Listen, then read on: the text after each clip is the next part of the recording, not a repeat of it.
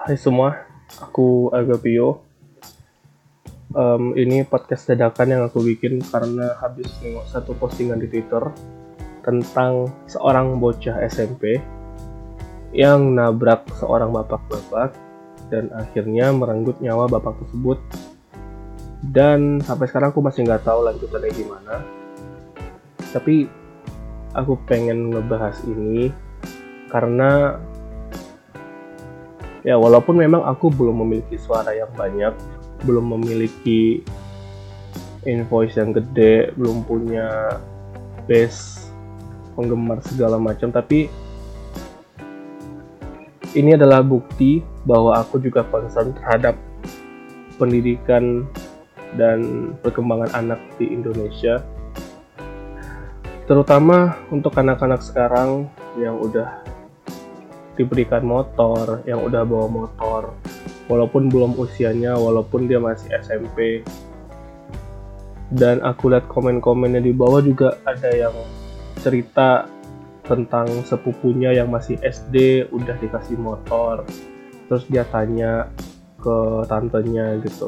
Karena kata-kata kata tantenya kenapa dikasih? Karena tantenya tuh nggak tahan denger rengekan anaknya That's a stupid. That is a fucking freaking stupidity. Apa bisa bahasa Inggris lagi banget? Ya intinya itu adalah kebodohan yang alasan yang tolol banget. Alasan yang bener-bener nggak masuk akal kayak lu kenapa mau dijajah anak lu gitu ini ini kasusnya kayak penjajahan jadinya gitu. Anaknya tantrum anaknya SD masih tantrum itu udah udah nggak udah nggak apa sih menurutku. Kayak apa perkembangan anaknya telat tapi gimana gitu. Dan ketika anak udah SD itu nah udah bisa kita untuk tegasin. Kayak belum boleh gini gini gini gitu.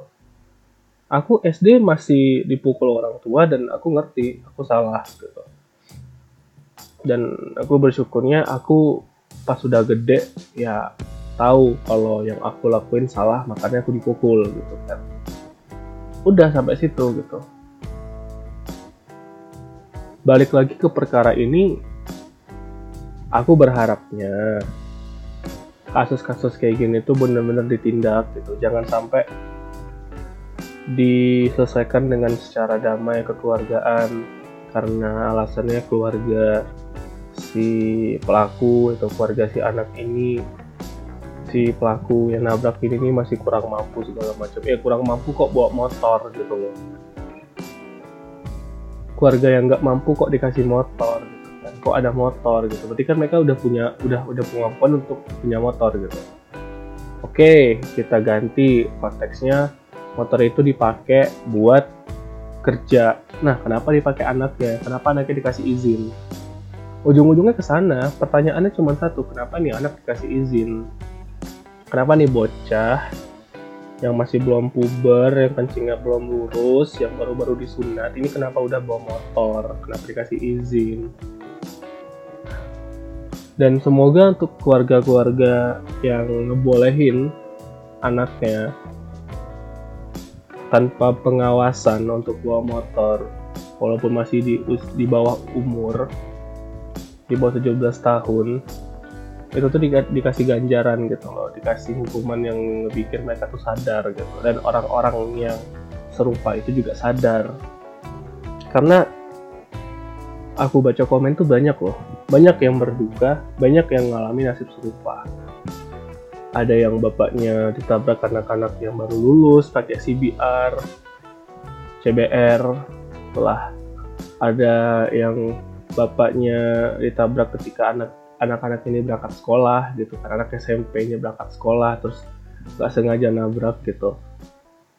Sampai meninggal. Terus akhirnya berakhir damai. Karena alasannya keluarga si bocah ini bocah SMP ini kurang mampu.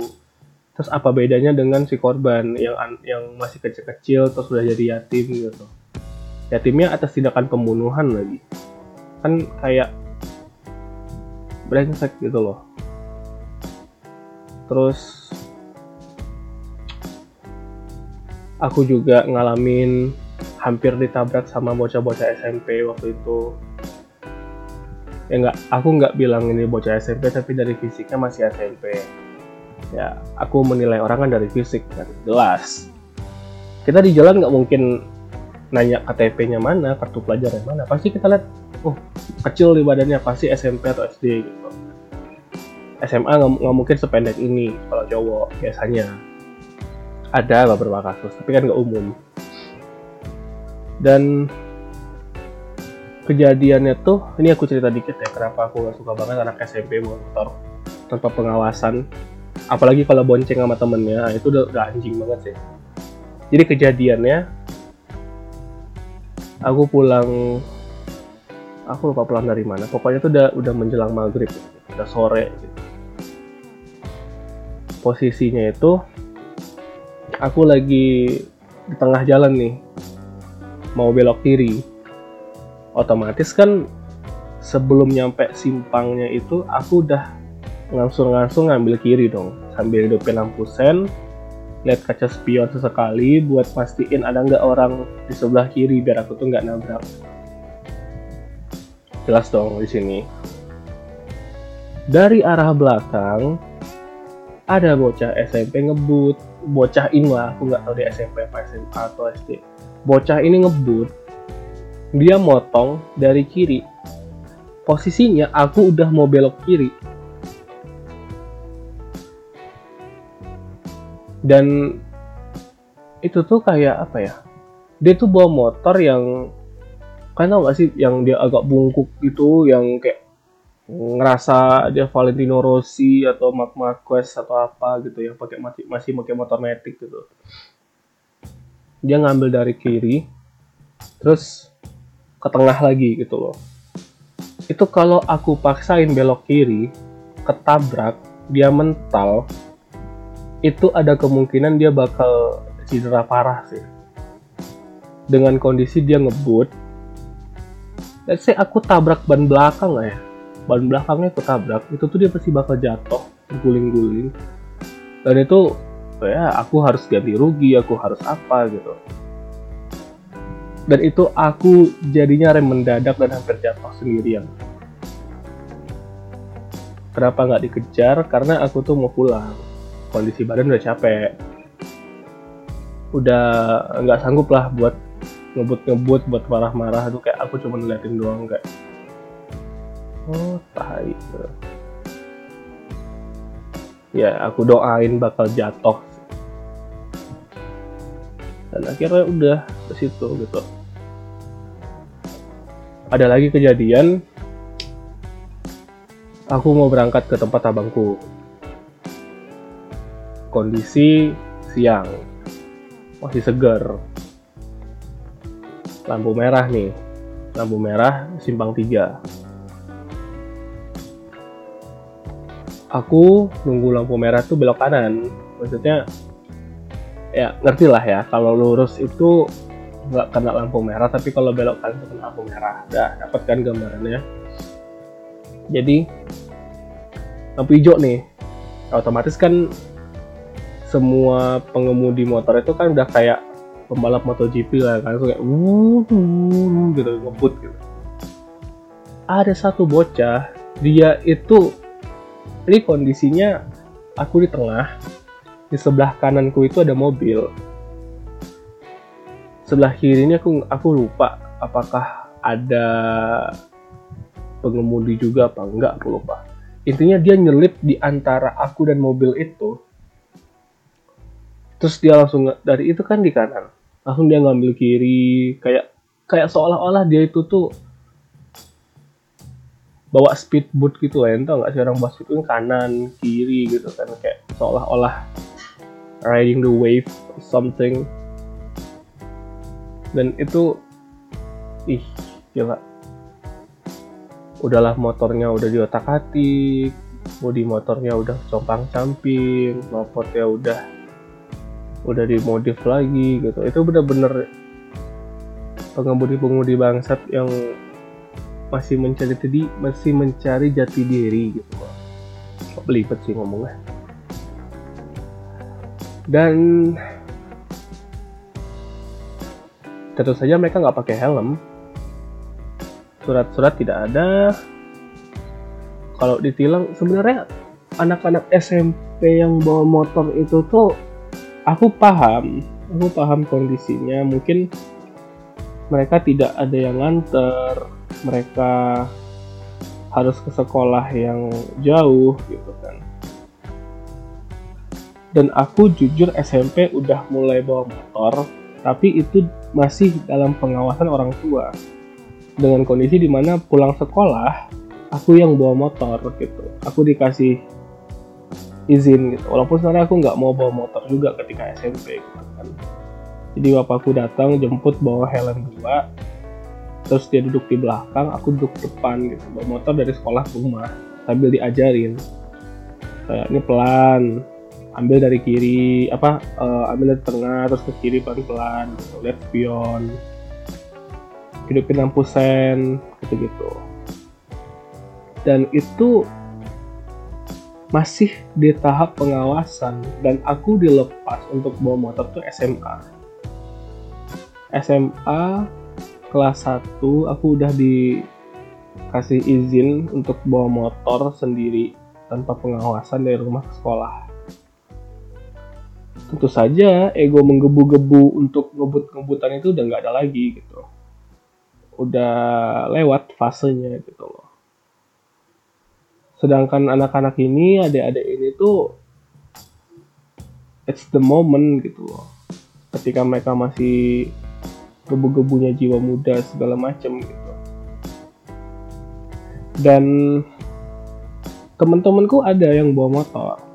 Teman-temanku ada yang bawa motor ketika SMP kadang-kadang aku ditebengin sampai halte gitu.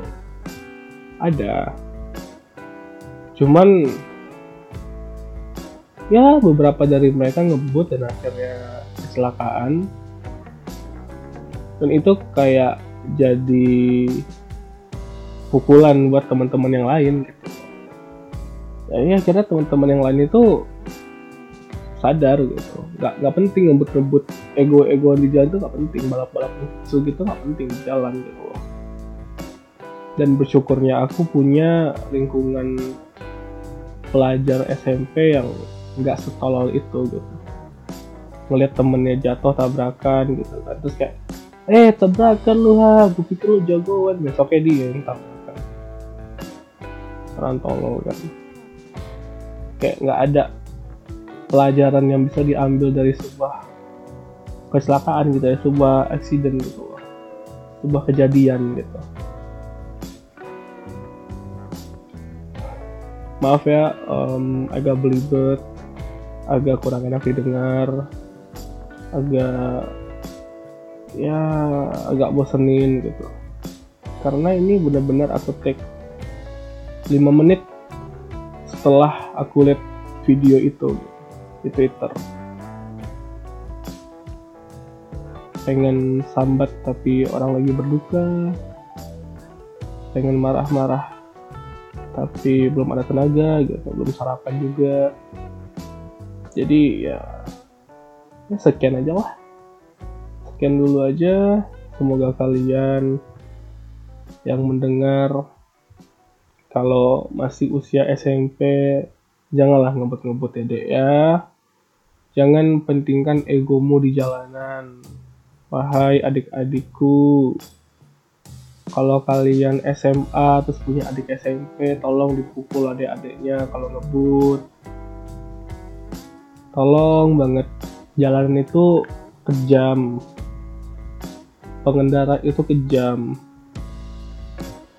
Aku nggak bicara pengendara kota mana tapi kalau di Pekanbaru dengan kondisi yang udah sering macet ketika kamu ugal-ugalan ketika kalian ugal-ugalan emosi pengemudi itu memuncak gitu loh. Jangan sampai ketika emosi kami udah di puncak gara-gara macet terus kan berulah tinju tangan itu tuh udah nyampe di muka kalian gitu. Jadi sebelum kalian dipukul oleh warga oleh masyarakat mending kalian pukul diri kalian sendiri untuk sadar ini buat anak-anak SMP anak-anak SD yang masih di bawah umur ya. Buat yang SMA tolong kalian sudah tua. Udah dewasa harusnya. Jangan sampai fisik doang umur doang yang gede tapi ego kalian masih kayak ego anak SMP gitu. malu sama umur malu sama badan. Kalau kalian punya adik ya aku bilang tadi pukul adik kalian sebelum kami yang memukul buat orang tua tante, om, siapa pun kalian, abang, bro, tolong ya jaga anak-anaknya. Kalau anak-anak yang ngerengek, minta motor, jangan dikasih, jangan semua diturutin. Kalian tuh udah dewasa, udah punya anak, jadi bapak, jadi ibu. Jangan mengambil jalan pintas supaya anak kalian diem gitu loh. Karena itu pasti bakal terbiasa untuk anaknya kayak ah kalau aku nangis bakal dapet kok. Gitu. kalau kalian biasain kayak gitu nanti anak-anak kalian itu sampai gedenya kayak gitu karena dari kecil terbiasa.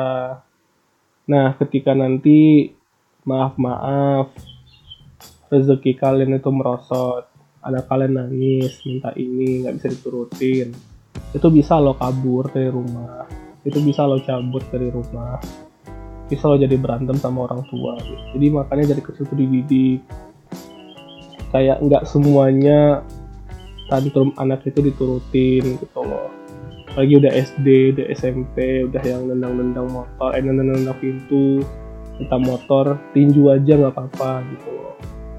Tapi jangan sampai tetangga tahu dan yang dipukul pun jangan dipukul di tempat yang kelihatan gitu. Misalnya pahanya kayak yang dipukul uh, ditampar kayak perutnya gitu loh yang bikin dia itu tuh sadar gitu loh. aku bukannya mengajarkan kekerasan dalam rumah tangga tapi ketika ego anak itu udah di puncak ya tidak ada satupun cara untuk menurunkannya selain pakai kekerasan selain pakai fisik gitu loh